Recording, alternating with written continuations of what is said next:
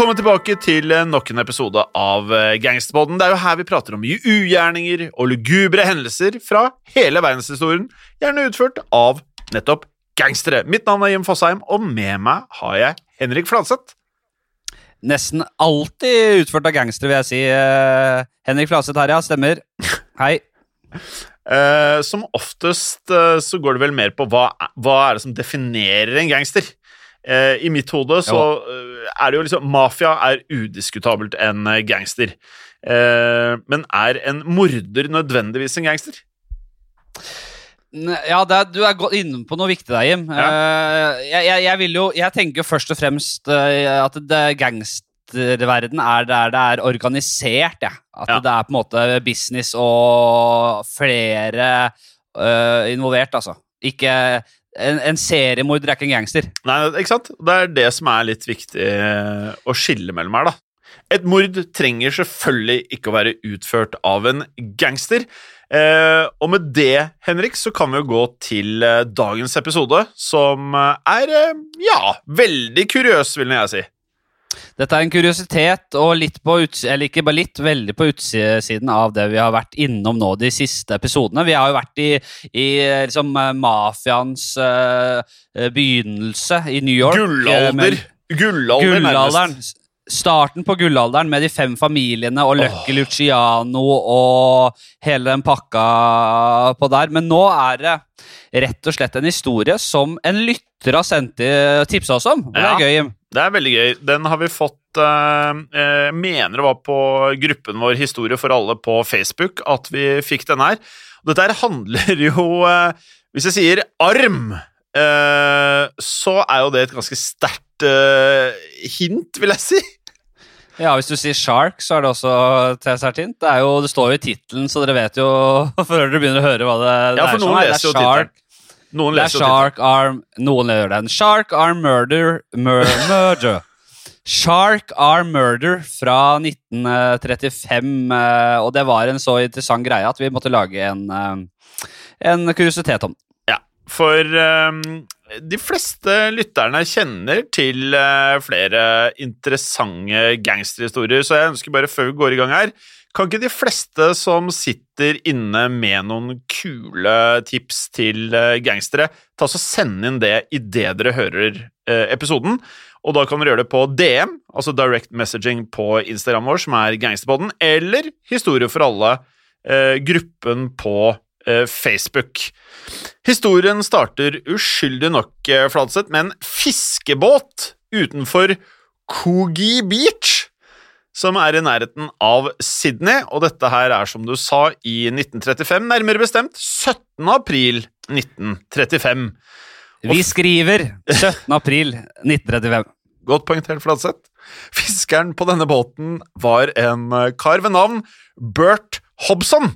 Um, og han halte en eh, liten hai, han, uh, opp uh, med kroken på fiskestanga, uh, og fikk da en ja, en, en hai på kroken.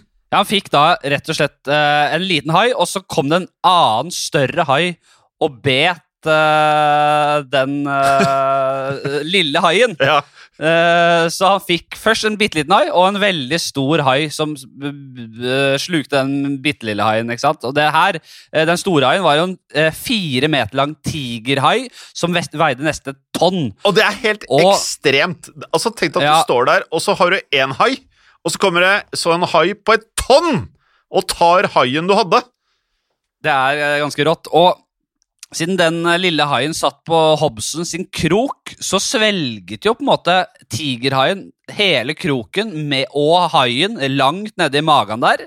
Så Hobson hadde jo rett og slett da fiska en fire meter lang hai og slep den haien oppi båten sin. Ja. Og som eh, man kanskje skjønner, så følte jo, at, eh, følte jo Hobson at dette var en unik mulighet. Så han holdt denne haien i live og brakte den faktisk til Kogi Aquarium Baths, som da er et akvarium der da denne svære haien kunne bli utstilt som en, ja, en mer eller mindre en attraksjon. Ja, For i februar og mars det samme året så hadde tre unge menn eh, på havet utenfor Sydney blitt angrepet og drept av haier, så det var veldig stor interesse rundt alt som hadde med haier å gjøre. Dette var den store snakkisen, så folk strømmet til dette museet, eh, akvariumet, for å se dette menneskeetende beistet som de hadde hørt så mye om. Og det var ikke sånn at du hadde sett veldig mye hai på film heller, dette var 1935, og det var eh, veldig stas å se. Det var et eksotisk dyr selv i Australia å være. Med noe så eksotisk så er det jo ikke urimelig å tenke seg at forretningene de blomstret, de, Henrik. Eh, helt til det skjedde noe som vi velger å kategorisere som besynderlig. For haien, den var eh, frisk og fin i et par dager, men den 25. april, kun noen dager etter at den hadde blitt fanget, så begynte denne haien å oppføre seg noe merkelig. Nå vet jo ikke vi helt hvordan en hai eh, oppfører seg for å være merkelig, men det det ble beskrevet eh, som, var at den svømte saktere enn vanlig, og at observasjoner var eh, dit hen at den virket desorientert. Ja, den virka rett og slett syk. eh, At den, eh, den begynte å, å, bli rar i oppførselen, rett og slett. Eh, Og mens da publikum sto som sild i tønne, for å bruke det uttrykket Ja. Sto sild i tønne rundt dette akvariumsbassenget, så begynte plutselig haien å brekke seg. Og det er også Jeg har heller aldri sett en hai brekke seg, men jeg regner med at det er noen av de samme mekanismene som vi kjenner fra eh, pattedyr på land. Eh, og egentlig de fleste dyr på land. Eh, kanskje uten de brekkelydene, jeg vet ikke. Men han, han brakk, brakk seg, og plutselig så kastet denne haien opp. Og først så kastet den opp en rotte. Ja. Så kastet den opp en fugl. ja. Eh, ikke, ikke bare en rotte. Det var sikkert noe annet grums. Men, men det mest oppsiktsvekkende ved, ved, ved Det var rotta, og så kom det en fugl, og helt til slutt så kastet haien opp en menneskearm. Ja. Og det er besynderlig. Nærmere bestemt så var dette her en, eh, en venstrearm, eh, Fladseth. Jeg ser du eh, holder mikrofonen med høyrearm. Du er ikke venstreermet, uh, Fladseth? Nei, absolutt ikke. Nei. Og eh, med en bit tau bundet rundt håndleddet, altså en bit tau bundet rundt håndleddet på denne venstre armen, var det som kom ut av denne haien. Og ikke nok med det, så hadde eh, denne armen en tatovering som eh, eh, forestilte to boksere som var vendt mot hverandre. Ja, og det er ikke vanskelig å skjønne at dette skapte jo voldsomt oppstyrt rundt uh, i denne folkemengden. Du kan jo tenke dere selv uh, hva som hadde skjedd hvis, det, hvis du hadde vært vitne til dette på et akvarium. Fordi du skjønner når det er snakk om en menneskearm, altså. Uh, og den tatoveringen gjør det enda mer klart at det her er et menneske. og det Nei, Det var voldsomt eh, kjør, selvfølgelig. Eh, og, og, og det tok jo ikke lang tid før politiet var på stedet. Nei. Og først så trodde de det var snakk om en ulykke her. Ja. Eh, at, det hadde, at det hadde skjedd enda en ulykke. At uh, haien hadde glefsa i seg enda et stakkars menneske og revet uh, vedkommende i, i biter. Litt rart med det tauet, da. Ja da, men uh, man starter vel ofte å- i de baner. Man tenker jo ikke så langt, kanskje. Det kan jo være at det var et slags smykke. Jeg vet ikke. Men det var jo ikke de, de, de, Vi kom i hvert fall kjapt på andre tanker, Jim. Tausmykke, interessant. Men det skulle vise seg at uh, dette her uh, ikke var en naturlig haidød, om du vil. Uh, for det var nemlig noe veldig spesielt ved denne armen. For politiet oppdaget at denne armen ikke var bitt av haitenner, slik de først hadde trodd. Tvert imot så var armen blitt kuttet av med hva de mente var et skarpt redskap. Ja, det var et cleant uh, cut, Uh, som mange sier. uh, altså rett og slett sagd av med et clean cut. Uh, og det betydde jo uh, Åh, jeg merker at det, Hvor rått er det ikke å være etterforsker, Jim? Og liksom bare Nei, men det, vent, vent nå litt. Hvis dette var Og så, og så Nei, det, Ja, det er ikke haitenner, nei. Det er kutta av. Her må det være noe annet enn en Ja. vanlig haidød. Ja, ikke sant? Så det betydde jo at det ikke var snakk om en ulykke. Dette var jo da menneskers verk. Dette var en mordsak. Ja, et uh, mordmysterium. Politiet stadfestet at armen måtte ha vært i haiens mage mellom 8 og 18 dager, faktisk. Og uh, gikk til avisene for å få inn tips om uh, det kanskje ikke var noen der ute som visste hvem som kunne være eieren av denne armen. Ja, fordi eh, et motiv med to boksere mot hverandre sånn, det er på en måte et veldig sånn uh, tydelig kjennetegn. Uh, så, så, det tok jo ikke lang tid før de ble kontaktet av en mann ved navn Edwin Smith. Uh, og han fortalte at hans bror, James, ofte kalt Jim, faktisk Men det er ikke så relevant for resten av historien. Men denne James Smith, broren til Edwin Smith, han hadde vært savnet i flere dager. Og ganske riktig, James Smith hadde en tatovering med nettopp to boksere på armen. Ja, og det som var eh, eh, spesielt i tillegg til alt det andre, var at eh, armen var relativt intakt, til tross for at den hadde da vært igjennom systemet, altså vært, vært inne i haimagen. Og dermed fikk politiet faktisk utrolig nok, vil jeg si, fingeravtrykk av eh, hånden uh, av fingrene og bekreftet at armen hadde tilhørt denne James Smith. Ja, kan jo Det er vel uh, jeg, jeg, kan jo tro at den uh, At fordøyelsesprosessen hos en hai går saktere enn f.eks. hos et menneske. da. Den har holdt seg veldig godt her i så mange dager. Men uansett det viste seg at denne James Smith med tatoveringen av boksere han drev en biljardsalong. Han var en tidligere bokser, og alle som kjente James, eh, sverget på at han var ikke en fyr som ville tatt sitt eget liv. Og det hadde vært noen teorier om at han hadde tatt livet sitt og bla, bla, bla. bla, bla. Og i tillegg med tanke på at uh, armen var tydelig skåret av, så virket teorien om at han skulle tatt selvmord, veldig, veldig svak her. Men eh, Smith var ikke bare en tidligere bokser og sjef for en eh, biljardsalong. For da han var i live, hadde han også vanket i, lite overraskende, i kriminelle miljøer. Helt riktig. helt riktig. Uh, Smith han var uh, bekjent av et par av Sydneys uh, mektige gangstere. tidlig på 30-tallet hadde han begynt å utføre sånne byggearbeider for en forretningsmann ved navn Reginald Holmes. Oh. ja, Uh, og han var veldig kjent for å ha et vellykket sånn båtbyggingsselskap. Men under Holms glatte overflate lurte en uh, langt mer uh, uærlig virksomhet. De hurtige passbåtene som han bygde på verkstedene sine, ble også brukt til å smugle kokain, sigaretter og annet illegalt gods. Yes.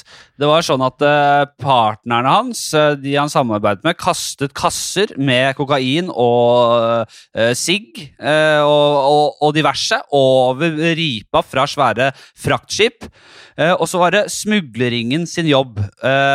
denne smugleringen med passbåter var plukket da opp disse varene og frakte dem inn til Sydney, der de ble solgt videre. Så klassisk smuglertaktikk back in the day, det her. Ja, Herr Holmes var altså en uh, australsk vaskeekte gangster. For på 1930-tallet opplevde nemlig Sydney en enorm kriminalitetsbølge, der gangstere kjempet om kontrollen over den uh, ja, intenst lukrative da, kokainhandelen inn til landet. Ja, Eh, og etter byggeprosjektene Smith hadde ordnet for denne Reginald Holmes, så tok han også andre småjobber for uh, businessmannen. Og dette inkluderte uh, å kjøre disse passbåtene som smuglet kassene med kokain inn til Sydney. Ikke småtteri. Nei. Han deltok også i Holmes forsikringssvindler der Holmes annet kjøpte en diger lystcruiser, altså en båt, Eh, og deretter forsikret den til skyhøye, altså astronomiske summer, for så å sørge for at uh, cruiseren sank på helt mystisk vis. Ikke sant. Også gammel, uh, kjent svindelmetode, det der. Lystcruiser. Vi snakker vel om en yacht her, da, Jim? Ja, det er, svære saker. det er svære saker. Ja, Eh, og eh, så håvet jo han inn solide forsikringspremier, selvfølgelig. Og James Smith skal eh, blant annet ha vært ansvarlig for lystcruiseren Pathfinder, som var et av ofrene for eh, Holmes eh, forsikringssvindler. Så han var i sånn eh, Han gjorde litt oppgaver og var en eh, betrodd mann, eh, han James Smith, til denne ganske så mektige Holmes. Ja, for vi snakker om en mann som åpenbart var godt inne i gangsterverdenen, og som eh, nå hadde blitt myrdet. Ja, og da tenker vi jo med en gang at dette er eh, gang, gangsternes verk. Det er vanskelig å tenke noe annet, slik at eh, politiets etterforskning avslørte at siste gang Smith hadde blitt sett i live, var mens han spilte kort og drakk på et hotell sammen med en mann kalt Patrick Brady. Ja. Uh, denne Brady han var en erfaren forfalsker, og han arbeidet også for Holmes. Han og Smith pleide å forfalske sjekker fra Holmes' rikeste kunder, Uh, og dette var sjekker på enorme summer, eh, selvfølgelig. Men på dette tidspunktet her så hadde Smith kranglet heftig med Holmes over en svindel som angivelig slo feil, og mm, de to allierte eh, ble nå å anse som fiender.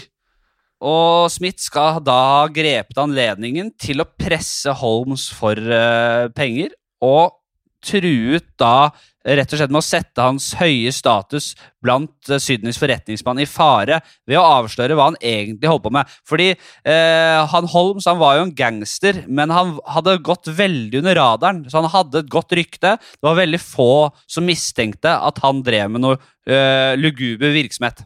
Ja, Høyt spill, med andre ord. Eh, og det virker jo, i hvert fall ut ifra det vi har lest, eh, Henrik, og det vi har pratet om her, han Holmes er ikke en fyr du kødder med.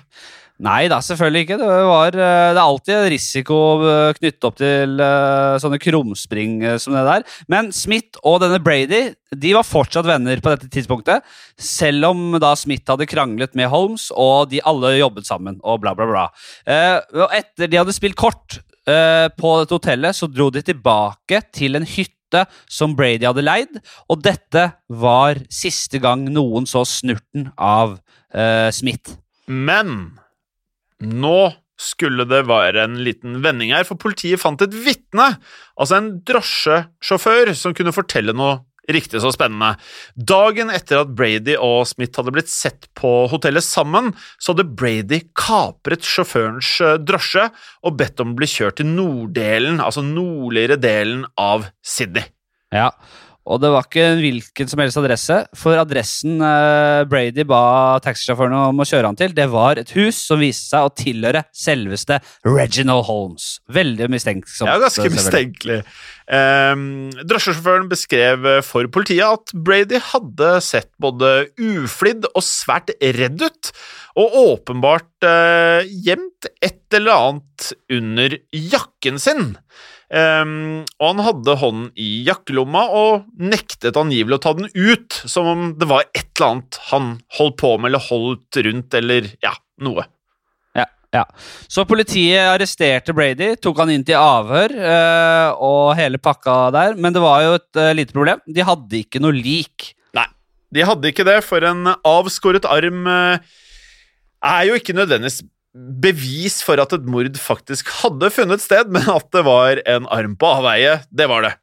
Eh, slik at det var vanskelig å bevise at Brady hadde gjort noe ulovlig her. Brady nektet også for at han hadde myrdet Smith, men eh, pekte i stedet på Holmes og fortalte at Smith hadde forsøkt å presse forretningsmannen for penger. Ja, og det er jo et mulig eh, motiv for mord, selvfølgelig.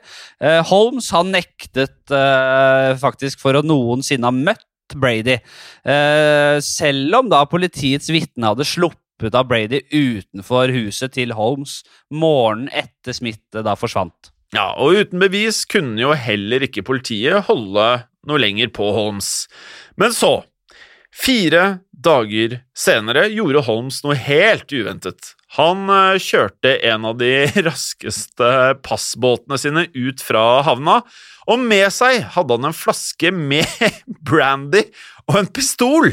Ja, det dro seg til nå. eh, for, Der høres det ut som Sopranos. Ja, Det, det, det, det helt klart det har jo åpenbart skjedd eh, mye mellom linjene her. eh, For han forsynte seg grådig av denne brandyflaska. Og etter han hadde tømt den, så rettet rett og slett Holmes pistolen mot eh, pannebrasken og Sånn jeg har forstått det, og fyrte av. Ja, og som ikke det er vilt nok, hør på det her. Kula traff pannebenet foran på skallen, og utrolig nok så ble den slått vekk av det. Så i stedet for å dø, så eh, kylte kraften fra kula ham eh, over bord i stedet. Jeg ville nok ikke bare retta pistolen mot panna sånn som det der, eh, men ja. Man har vel funnet, dessverre får man kanskje si, funnet litt mer vellykkede metode med åra. Jeg vet ikke. Eh, så det som det viser, er jo at eh, man kan faktisk overleve eh, en kule mot hodet. Jeg trodde det du beskrev her, Flatseth, med at du ikke ville kjøre en pistol mot hodet, var at du ikke var en person som ønsket å ta selvmord, men du prøvde å beskrive at det var andre metoder for å ta selvmord du heller ville vurdert. ja, jeg er i utgangspunktet ikke noe særlig gira på selvmord, altså, men Nei. hvis jeg først skulle gjort det, så ville jeg ikke gjort det sånn. Da- Uansett. Da, hva hadde du gjort da? Nei, det hadde vært i kjeften eller noe sånt. da. Ja, Men, ja, rett. Så pistol, men bare et annet sted, er det du sier? Ja, jeg tror Ja. det. Jeg tror det. Så øh, da Holmes kom til seg selv eh, Altså, han, han, han lå jo på en måte og, bevisstløs ute i havet, på en måte, da, eller ute i, jo, ute i havet der. Og, og da han kom til seg selv, så begynte han da å svømme tilbake til båten. Og så kom han seg oppi der og ble grepet av panikk eller et eller annet. Eller kanskje bare et ønske om å lage faenskap. Det er litt usikkert, for han, eh, han var ikke ferdig her, Rim. Han var ikke ferdig her, uh, Fladseth, for eh, dette var egentlig kun starten på en ellevill båttur rundt havne- og kystområdet. Han raste av gårde både hit og dit i denne båten, tilsynelatende uten mål eller mening. Ja, han kjørte rett foran skip eh, på vei fram og tilbake, forstyrret båttrafikken generelt. eh, ja, rett og slett bare skapte voldsomt kaos inni der. Eh, og etter noen heseblesende runder eh, med dette her, så dukket politiet opp for å stoppe denne psykoen som terroriserte båttrafikken og havneområdet. Og Holmes han var ikke interessert i å stoppe. Politiet jagde jo etter han her, eh, og denne båtjakten ledet dem to kilometer ut på havet. Og selv om båten til Holmes var rask, så innså han til slutt at det var nytteløst. Det var nytteløst å prøve å riste av seg politiet, så han stoppet opp, og han overga seg. Ja, og dette ledet jo da til at Holmes i jevn havnet i et eh, avhør, og denne gangen var historien en helt annen. For denne gangen kom hans eh, versjon av eh, historien på bordet, der han fortalte at Brady hadde dukket opp på døra hans dagen etter at Smith forsvant. Og etter han ble sluppet inn, så tok han frem det han gjemte under jakken, som vi hørte om i sted. Ja, det var uh, armen. Det var rett og slett armen. Uh, så Brady sto der i stua til Holmes med Smiths avskårede arm i hånda. Ja, og jeg skjønner godt at han da gjemmer den mens han er i taxien. Ja, selvfølgelig. selvfølgelig. Ja, Brady fortalte Holmes at han hadde gitt Smith en såkalt Sydney send-off. Og en Sydney send-off, det er, eh, Flatseth, en variant der et offer gjerne blir åpenbart eh, drept, men så blir offeret også partert, og deretter kastet i havet. Ja, det er eh, Det er mange eh, Kjært barn har mange navn. Det er ikke uvanlig metode, det greiene der, rundt om i gangsterverden. Og det er jo veldig vanskelig å finne et lik på havets bunn, selvfølgelig. Det er nål i høystakk, det. Og det var jo akkurat dette han hadde gjort med Smith, eh, s- eh, fortalte Brady. Og han hadde partert han, kasta han på havet, eh, rett og slett. Og ikke bare det, Brady hadde kommet til eh, Holmes for å presse ham for penger. Han sa at dersom Holmes ikke straks ga ham hva som for meg ikke høres veldig mye ut, men 500 australske pund, så ville Brady begynne å presse Holmes på samme måte som Smith hadde gjort. Ja, eh, og de 500 pundene skulle Brady ha på stedet. Det var ikke noe å vente på det. Eh, Holmes ga han disse pengene, og så forsvant Brady. Men bare for å understreke hva han hadde gjort, så la han igjen denne avkutte armen der i stua til Holmes.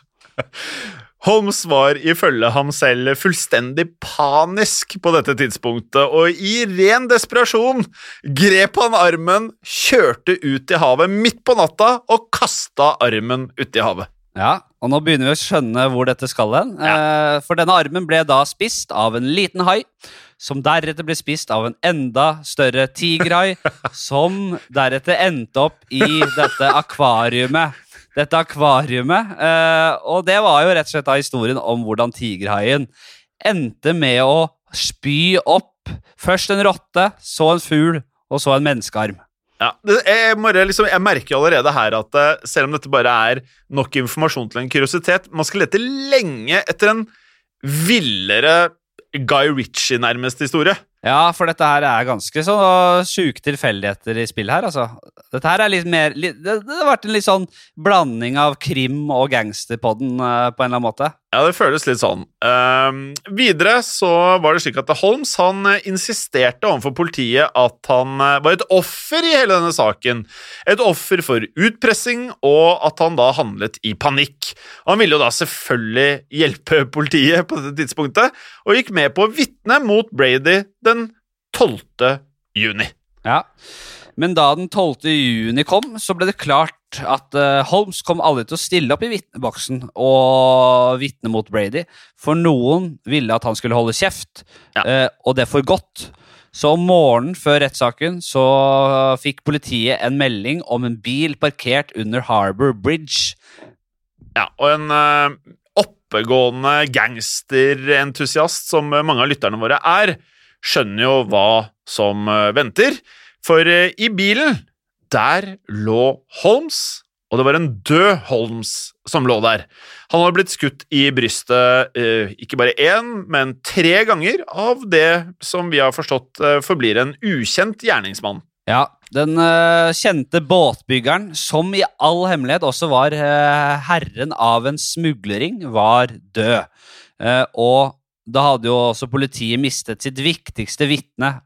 Ja, soleklart viktigste vitne i saken mot eh, Brady. Ja, og Med det så hadde de ikke lenger noe håndfaste bevis eh, og vitnesbyrd som kunne legges frem mot Brady i eh, retten, og dermed ble han faktisk løslatt. Han ble det, og mange tenkte jo selvsagt at det var uh, Brady selv som hadde sørget for at Holmes ble drept. Det høres jo veldig sannsynlig ut, men politiet hadde også en annen teori. Det, det viste seg nemlig uh, etter hvert at uh, Holmes hadde selvmordstanker. og det ble jo på en måte forsterket av dette store stuntet hans på, i havneområdet der. Ja, og, Og, og, og selvfølgelig selvmordsforsøk i forkant av det. og dette ledet da videre til teorier om eh, at det faktisk var eh, Holmes selv som kunne ha hyret inn noen til å drepe ham selv. Ja, det er også noe å bruke penga sine på. Eh, hva som egentlig skjedde, eh, fant politiet aldri ut. Dette ble et uoppklart mysterium, rett og slett. Eh, så ingen ble noensinne siktet for drapene, verken på Holmes eller Smith. Ja, Brady gikk eh, fri og nektet plent for å ha hatt noe som helst å gjøre med dødsfallene, helt frem til sin død i 1965 i en alder av 76. Ja. The Shark Arm Case eh, ble som sagt aldri formelt løst, og Smiths lik ble heller aldri funnet. Eh, Det eneste sporet etter denne mannen var da armen som tigerhaien hadde spydd ut i dette akvariet. Men en stund etter at saken hadde roet seg, kom en siste endelig opplysning om eh, James Smith for dagen. Da han levde, hadde han ikke bare vært en gangster, han hadde vært en informant for politiet. Ja, og det setter jo saken i et annet lys. Eh, En uskreven regel blant uh, alle gangstere egentlig er jo aldri å tyste til politiet. Uh, det er jo en regel vi kjenner igjen fra hele gangsterverden, mafiaverden og hele pakka, selvfølgelig. Ja, og Smith hadde brutt denne regelen. Og det kan jo godt tenkes at dersom det ikke var Brady som drepte han, så kan det ha vært en gammel kjenning av Smith som var ute etter hevn for informasjonen han da hadde gitt videre til politiet. Ja, Det kan jo selvfølgelig godt hende han ble drept fordi han tysta, rett og slett. Men som sagt, ingen har uh, noensinne funnet ut hvem som drepte Smith, og dette er en uløs sak uh, den dag i dag. Alt vi kan gjøre, er å komme med Er å leke oss litt i materialet her, rett og slett. Uh, og med det Flatseth, så kan vi jo ha et lite frampek her. For i løpet av de neste ukene skal vi nemlig snakke om mafiaens hemmelige drapsorganisasjon. Ja, det blir uh, Murder Inc. Uh, nå, og det har vi også varslet at vi gleder oss utrolig til å, å gjøre. Bare hør på det navnet! Murder ja, Incorporated. Ja, ja, Selvfølgelig, det er helt rått. Dette blir utrolig bra. Eh, før vi forlater dere, så må jeg spørre som vanlig om du har en låt til oss denne uka, som vi smeller inn i Spotify-album- eller spillelista, Jim? Ja, det har jeg. Denne her er hentet fra soundtracket til uh, favorittmafiafilmen min, altså Goodfellas. Og det er, det er en veldig kul sang som heter Playboy, av alle ting. Av av en gruppe, må man kunne si ikke et band, men en gruppe som heter Marvelettes, eller Marvelettes. Eh, og jeg tenkte Playboy i den forstand at eh, det var jo litt sånn Playboy å kjøpe denne flotte båten i utgangspunktet, og så spilte man på litt for høye odds. Det er veldig bra. Eh, begynner å bli en eh, spilleliste å snakke om det der, Jim. Eh, Fram til vi høres igjen, så må jeg også minne om at man ikke skal prøve å bli sovende med fiskene den neste, neste uka. Nei, men samtidig, ta så hold det gangster. Ha det bra. Snakkes.